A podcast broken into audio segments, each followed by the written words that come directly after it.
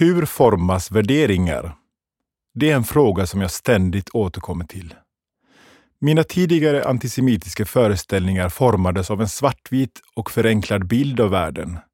Genom nätet tog jag del av antisemitisk propaganda och drogs in i konspiratoriska föreställningar om en judisk global sammansvärjning som styr världspolitiken. Det var först i det fysiska mötet med personer som utmanade min världsbild och som gav mig nya perspektiv som mina gamla åsikter rämnade. Om det är i mötet med andra som ens världsbild utmanas så är det avgörande att människor med olika perspektiv möts. Hur ska sådana möten kunna ske när vårt samhälle är så segregerat och splittrat?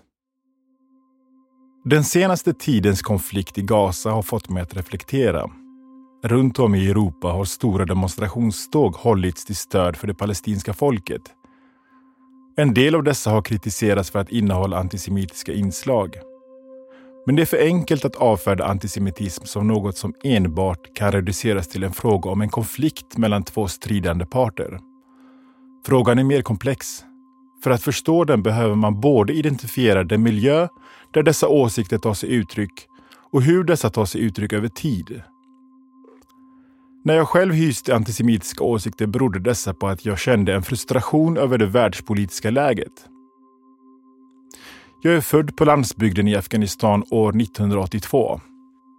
När Sovjet invaderade Afghanistan flydde vi till Sverige. Jag var fem år gammal. I 30-årsåldern var jag väletablerad i Sverige, men min kritiska syn på USA ledde också in i konspirationsteorier. Att det är svårt att förändra värderingar har inte minst visat sig i den svenska integrationsdebatten.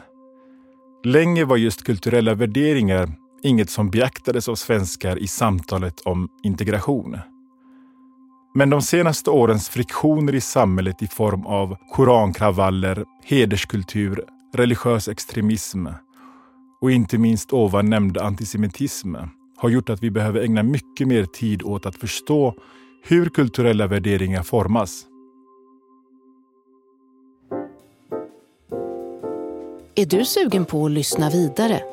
Då kan du låsa upp resten av det här avsnittet genom att teckna en prenumeration på fokus.se prenumerera. Som prenumerant har du också tillgång till Fokus alla artiklar och poddar. Fokus.se prenumerera.